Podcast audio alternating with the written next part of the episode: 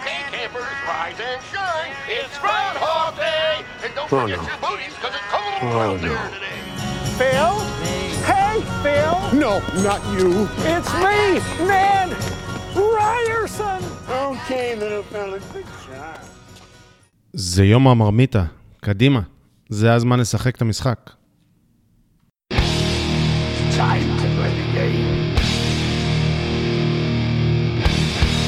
Time to play the game.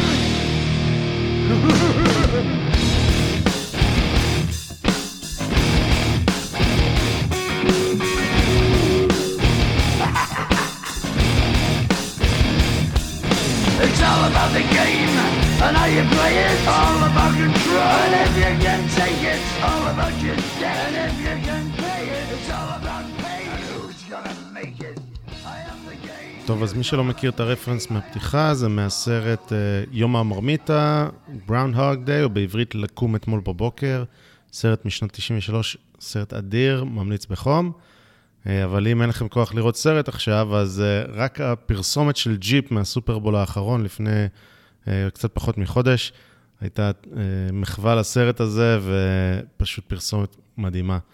אז ממליץ מאוד על הסרט, אבל בגדול, אה, זה מישהו שחווה את אותו יום, כל יום, וזה מה שקורה לנו פה במערכת הבחירות. אז אה, שוב, בחירה, מערכת בחירות פעם שלישית תוך פחות משנה, ואני, כמו שאמרתי, עוד באפריל, אה, לקראת אפריל 19, גם בספטמבר אה, 19 ועכשיו במרץ 2020, הבחירות האלה בעיניי הן הבחירה בין שלטון המשפטנים לבין אה, החזרת הציבור כריבון. אז אני חושב שצריך להצביע למפלגה שרוצה לעשות את זה, להחזיר לנו את הריבונות, לנו הציבור, מפני שלטון המשפטנים, אה, ואני אסביר עוד רגע.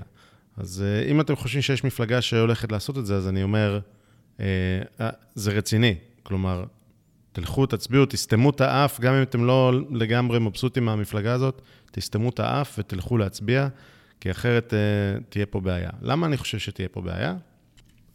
לא כי הבעיה עדיין לא הגיעה, הבעיה ממש כאן, אבל, אבל אנחנו צריכים להחזיר את המצב לאחור, אנחנו צריכים טיפה לאזן את זה. אני מזכיר שבימים האחרונים, או בשבועות האחרונים, ביקשנו שתיתנו לנו רק איזון אחד אל מול המערכת המשפטית. רק איזון אחד. בכל האיזון של הרש... בין הרשויות, הרשות המחוקקת, המבצעת והשופטת, תנו לנו איזון אחד. לא קיבלנו שום תגובה, כי אני חושב שאין איזונים כאלה. אבל אתם רוצים דוגמה מהימים האחרונים, אחרי שנתנו דוגמאות רבות במהלך השנה האחרונה, מאז שהשקנו את הפודקאסט הזה, אז בימים האחרונים שוב קלמן ליבסקינד, אחד העיתונאים הכי טובים בארץ, כתב טור מזעזע ביום שישי על איך בית המשפט העליון קובע את מדיניות ההגירה הישראלית בניגוד לחוק, בניגוד לרצון הבוחר ובניגוד לסמכותו. אין לו סמכות לשנות את מדיניות ההגירה הישראלית. ואיך הוא עושה את זה? הוא עושה את זה על ידי שיבוץ שופטים שאמור להיות לכ- לכאורה רנדומלי אה, ברמה כזאת או אחרת, אמור להיות לפי אילוצי לוז ולא אמור להיות אה, אה, קבוע מראש. יש שני שופטים שיש להם 96% מהתיקים שעוסקים בהגירה ושהייה בישראל, עובדים זרים וכדומה. ושני השופטים האלה יש להם תפיסת עולם מאוד מסוימת, שזה על הכיפאק, אבל היא שונה משלי והיא שונה גם מחוקי ההגירה של מדינת ישראל. ואותם שני שופטים, לא רק שהם משובצים, הם עושים קומבינות אחד עם השני. הם עושים, אה, במקום לדון בהרכב של שלושה שופטים, הם עושים החלטה של יחיד ומחתימים עליה שני שופטים אחרים. איזה שני שופטים אחרים? שופט השני יהיה אחד מאותם שניים, כלומר שני אלה, מדובר בדפנה ברק ארז ועוזי פוגלמן, שניהם הם מהקצה השמאלי יותר של הסקאלה בבית המשפט העליון. אה, אז הם מחתימים אחד את השני, אחד את השני או אחד את השנייה, והשופט השלישי הוא השופט התורן, שככה, גם ככה הוא יהיה בדעת מיעוט, כי הם שניהם תמימי דעים לחלוטין על המדיניות שצריכה להיות. אה, ו- וככה הם מעבירים מלא החלטות בלי שיתקיים בכלל דיון, וזה נראה כאילו שלושה שופטים אה, החליטו משהו. עכשיו, אני חושב שזה בכלל אבסורד, אבסורד, שאני אומר את המילה מדיניות ובית משפט.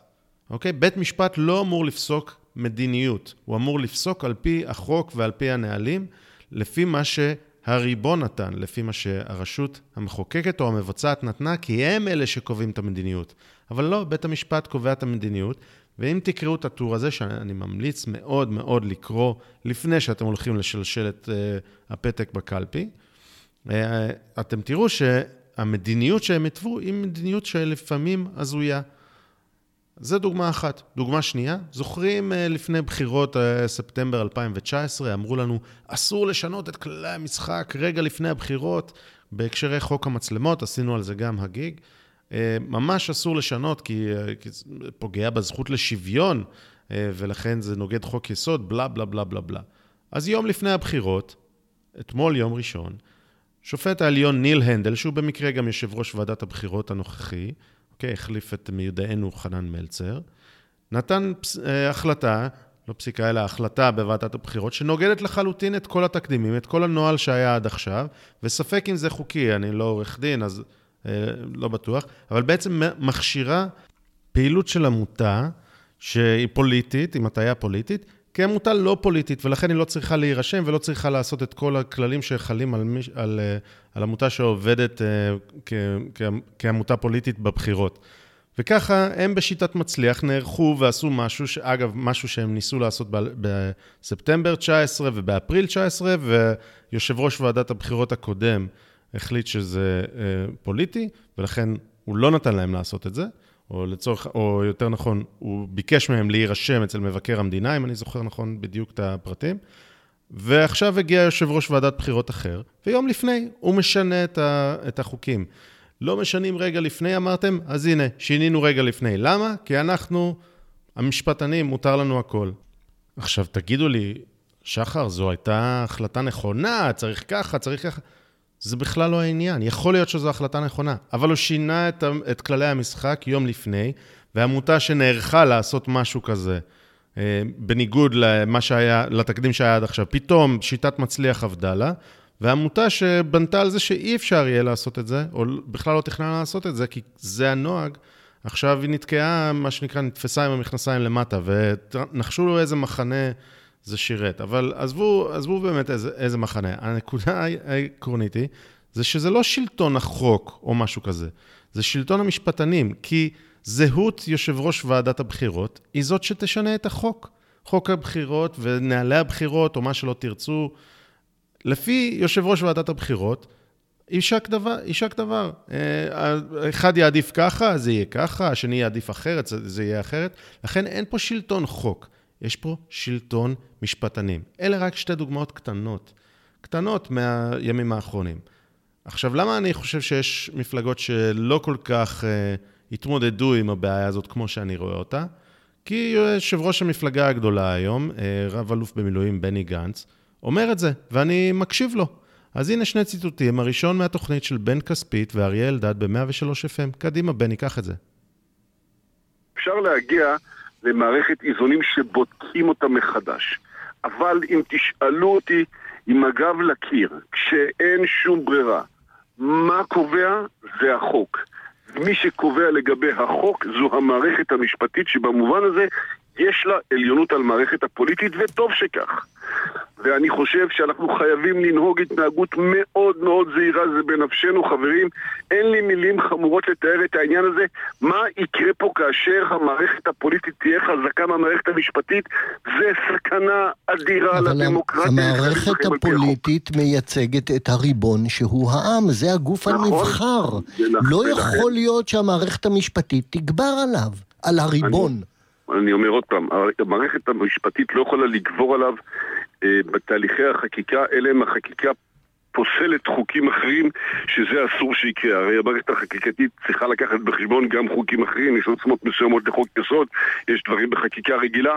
לכן אני בא ואומר, במקומות שיש מתח, צריך לתת עליונות למערכת החוק והמשפט, ואני בעד שנשב ביחד, בוועדות מיוחדות, ונדון מה, מהם האיזונים הנדרשים בין הרשויות. אני אומר לכם, כמי שמתמודד להיות ראש הממשלה, כמי שרוצה את כל הכוח אצלו בידיים, אני חושב שחייבים לרסן את המערכת הפוליטית, אחרת היא תעשה דברים לטובתה הפוליטית ולא על פי חוק ולטובת כל הצדדים. הנה אני שם על עצמי ריסונים מראש. חשוב מאוד שניתן עליונות לחוק. סלחו לי, אבל מועמד לראשות ממשלה שבעיניי מבולבל לחלוטין, הוא מבלבל בין החוק לבין הפרשנות של החוק. הוא מצהיר שמערכת המשפט צריכה להיות עליונה על נבחרי הציבור, שהם הציבור הריבון, אני מזכיר. והמערכת הפוליטית מבחינתו זה דבר ארסי. פוליטיקאים הם ארסיים, ומשפטנים ושופטים הם טהורים. אין להם אינטרסים זרים. אין להם אנשים שהם מכירים לשופטים. הם בכלל, כל השיקולים האלה זה, זה מהם והלאה, זה, זה מתחתם, הם בכלל מסתכלים על דברים אחרים. המערכת הפוליטית הארסית היא סכנה, והמערכת המשפטית תגן עלינו מעצמנו, מהריבון. ואני בכלל לא מתייחס לבלבול שלו על חקיקה שלא יכולה לסתור חוק אחר. בעצם חוק שחוקק, אי אפשר לשנות אותו. אה, אבל בסדר, אני מניח שהוא כשל בלשונו שהוא, והוא התכוון אל מול חוקי יסוד, ששם צריך איזשהו רוב מיוחד. נגיד. טוב, אה, אוקיי, אולי אני קצת מגזים, אולי לא יצא לו בדיוק כמו שהוא רוצה, הוא חשב על זה כמה ימים, והנה הוא רוצה לשנות את זה, קצת לעדן את המסר שלו, או טיפה להסביר איפה הוא לא הובן בדיוק. אה, אז הוא הלך ל... בני גנץ הלך לאיילה חסון, לערוץ 13, להתראיין ולהבהיר את עמדתו. בואו נשמע. אני מכבד את גורמי אכיפת החוק, אני אשתף פעולה עם כל חקירה שלא צריך. יותר מזה אני אומר לך, כאשר אתמנה לראשות הממשלה, אני מתכוון לחזק את מעמד בתי המשפט, לחזק את מערכות אכיפת החוק. מעל המערכת לא הפוליטית? לא מעל כלום, לא. לא, כי אמרת כבר שהם יהיו מעל המערכת לא, הפוליטית. לא, מה שהיה ונדייק, כן. נשאלתי בהמשך לאמירה של אריה דרעי, שאמר שאם הבג"ץ יפסול את היתכנות מועמדותו של נתניהו להרכבת הממשלה, הם ימנו אותו בכל זאת. זאת הייתה הטענה שלי. אני חושב שהעליון הוא הריבון, הריבון יושב יותר בכנסת. מהציבור? הריבון יושב הצ- בכנסת. הציבור- הציבור לא יקבע מי יהיה ראש הממשלה הציבור- לדעתך? הציבור יקבע מי ייבחר, מי יהיה ראש הממשלה, ואנחנו נכבד, אבל אם עכשיו תבוא פסיקת בג"ץ, סתם לו יתואר, ש- שבג"ץ יגיד שלא ניתכן מבחינת הנורמה המשפטית, שמועמד לראשות ממשלה יש לו כתבי אישום, שזה איננו אפשרי לאור פרשנותו של החוק, אז זה, בג"ץ יגיד, לא, אני אומר את זה, שאני אני אומר עוד פעם, אין פה עניין של רדיפה אישית שלי, יש פה עניין של אמירה נורמטיבית, ציבורית, שהיא החשובה בעיניי. אנחנו חייבים להסתכל על עצמנו כחברה, איך אנחנו נראים בעיני עצמנו.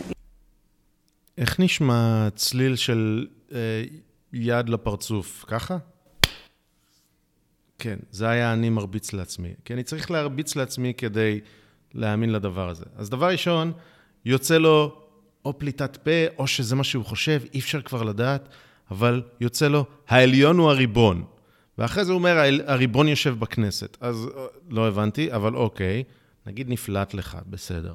אבל אז מסביר לנו בנימין גנץ, אומר, אה, הציבור יבחר מי יהיה ראש הממשלה, אבל מי שיעשה על זה override זה השופטים, וזה בכלל עניין של נורמה. כלומר.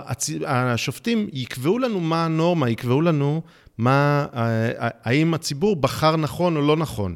כי אין, אין נורמה ציבורית יותר מבחירות, נכון? זה הנורמה הציבורית האולטימטיבית, זה משאל העם הדמוקרטי, זו, זו, זו מהות הדמוקרטיה, זה אחת ממהויות הדמוקרטיה. אנחנו שואלים את העם שהוא הריבון, והעם מחליט. ואומר בני גנץ, לא, העם אולי יבחר משהו בסדר, אבל נעשה עליו override עם אה, בני האלים שיושבים שם ב- בירושלים.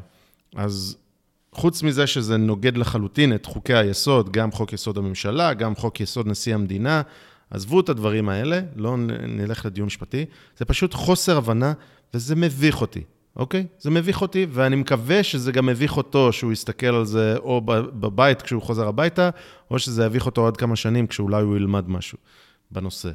אה, כן, נשמע שאני מזלזל בו, סליחה, בנושא הזה אני קצת מזלזל בו, זה ממש יד לפרצוף, באמת.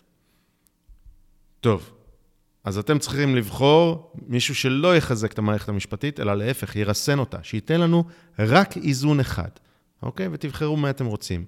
והנה, זה הזמן שלי לעשות קצת אה, פרשנות פוליטית. אה, הימורים, מה יהיה? אז אני אומר ככה, דבר ראשון, לא תהיינה בחירות רביעיות. מה? כן, לא תהיינה בחירות רביעיות. יותר נכון, לא תהיינה בחירות רביעיות ב-2020, יכול להיות שיהיו בחירות יחסית קרובות ב-2021, אבל בוא רגע אני אסביר, כי בעיניי יש שלוש אופציות בעצם.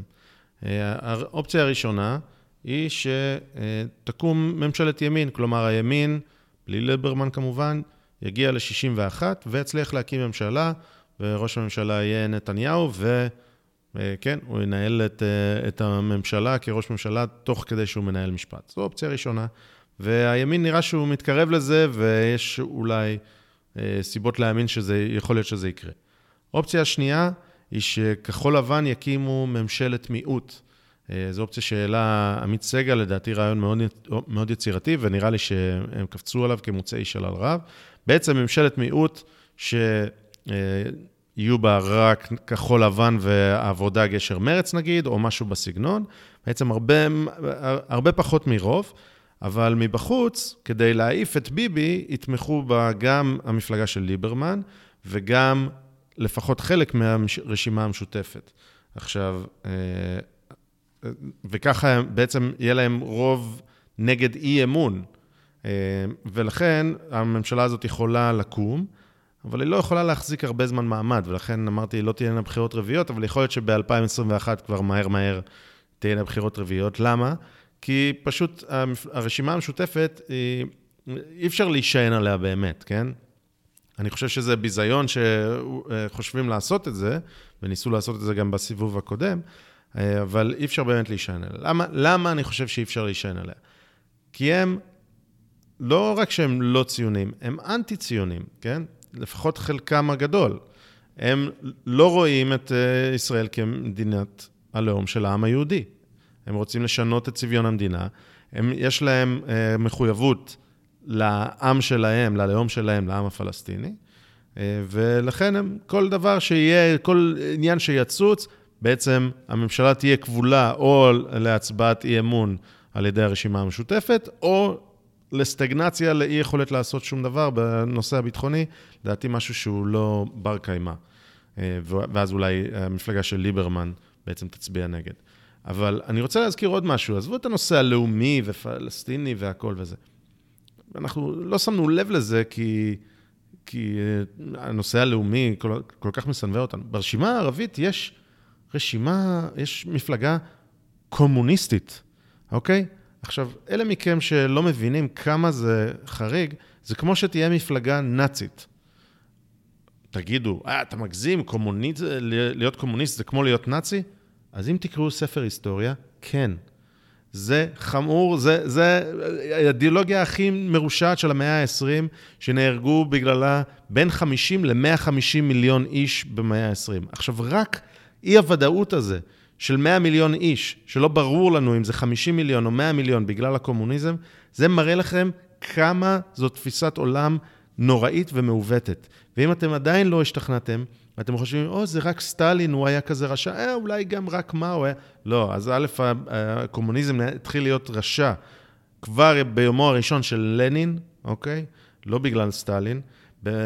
תקראו על, על הקפיצה הגדולה קדימה בסין, תקראו לה חמיר רוז', קמיר רוז' באינדונזיה, תסתכלו מה קורה בצפון קוריאה. תקראו מה קורה במה שקרה בכל מזרח אירופה, מה שקורה היום בוונצואלה.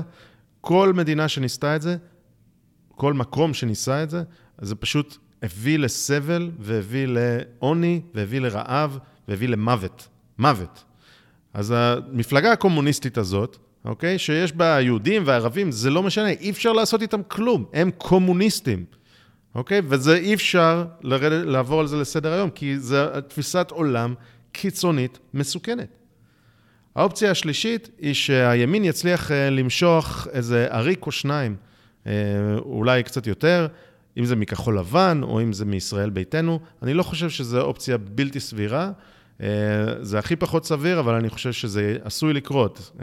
ולו רק כדי שלא תהיינה עוד בחירות, שלא יהיה עוד סבב, אז אנשים יהיו הרבה יותר קלים בעריקות כאלה ובשינויים כאלה. אז אלה שלוש האופציות שלי, נראה אם אני פרשן, אם יש לי עתיד כפרשן פוליטי. זהו, אז חג דמוקרטיה שמח, יום מרמיתה שמח לכולם. אני רק רוצה לתת לכם עוד משהו קטן לפני סוף הפרק הזה. ולהגיד שיש לנו שבוע הבא חג פורים, ומתוכנן לנו ספיישל פורים, וזה הולך להיות מצעד הטרללת 2. מי שלא שמע את מצעד הטרללת מספר 1 שעשינו לפני כמה חודשים, פרק מספר 24, אז מומלץ מאוד מאוד ללכת לשמוע. אני חושב שזה היה אחד הפרקים שקיבלנו עליו הכי הרבה תגובות, אבל אה, מי ששמע או לא ששמע, אני מבקש שתיתנו לנו אה, הצעות, רעיונות לטרללת ששמעתם. עכשיו, טרללת זה לא מישהו קיצוני, אלא תגובה מיינסטרימית, למשהו קיצוני. אה, ושוב, תוכלו לשמוע במצעד הטרללת ההגדרה שאנחנו נותנים, ויש לנו כבר רשימה ממש ארוכה, מצעדים מפה עד הודעה חדשה, ואנחנו הולכים להמשיך לעשות אותם כל כמה זמן. אז שבוע הבא special פורים מצעד הטרללת, ותציעו לנו כדי שלא נפספס את הסיפורים הכי טובים, תכתבו לנו ו- ונכניס את זה לפרק. אז אה, זהו. תודה שהצטרפתם כרגיל, תעקבו אחרינו בטוויטר, תרשמו לנו אימייל, אה, תסתכלו על, ה, אה, על הפרקים שלנו גם ביוטיוב, אה, אפשר לשתף את זה גם דרך יוטיוב. תודה רבה, עד הפעם הבאה.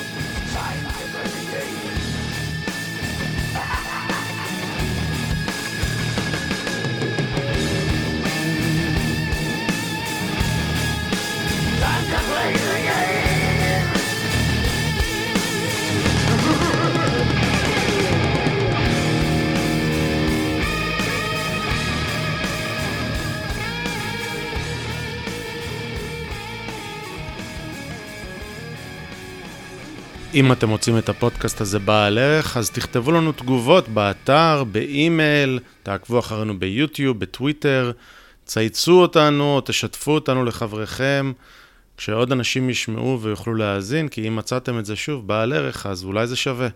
כל אינטראקציה שלכם עם התוכן הזה רק תעזור לנו. אז uh, מודים לכם מראש, ותודה רבה שהאזנתם. להתראות.